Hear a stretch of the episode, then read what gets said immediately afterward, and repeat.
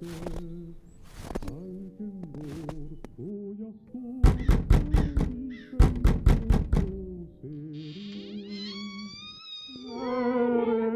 in, kom in till Storysyndromets julkalender.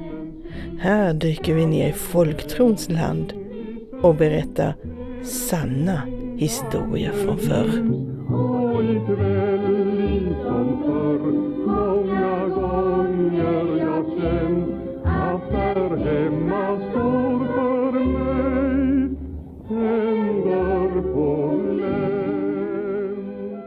För en del år sedan, det måste ha varit omkring 1835, körde några ungdomar från Egeskov julmarknad och tog vägen över alträdsmossen som finns där.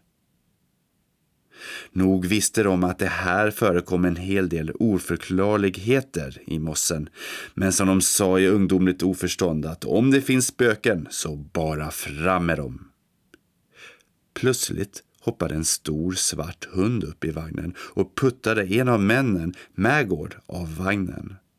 Mägård ramlade ner i mossen och in bland alträdens rötter och försvann.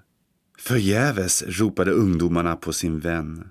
Och inne bland rötterna kunde de se att småfolket satt och väsnades och stojade och betedde sig. Ingen vågade kliva av i rädsla för att själva hamna i deras våld och de var tvungna att köra vidare utan märgård. Men väl hemma tog kusken en av hästarna och red genast tillbaka.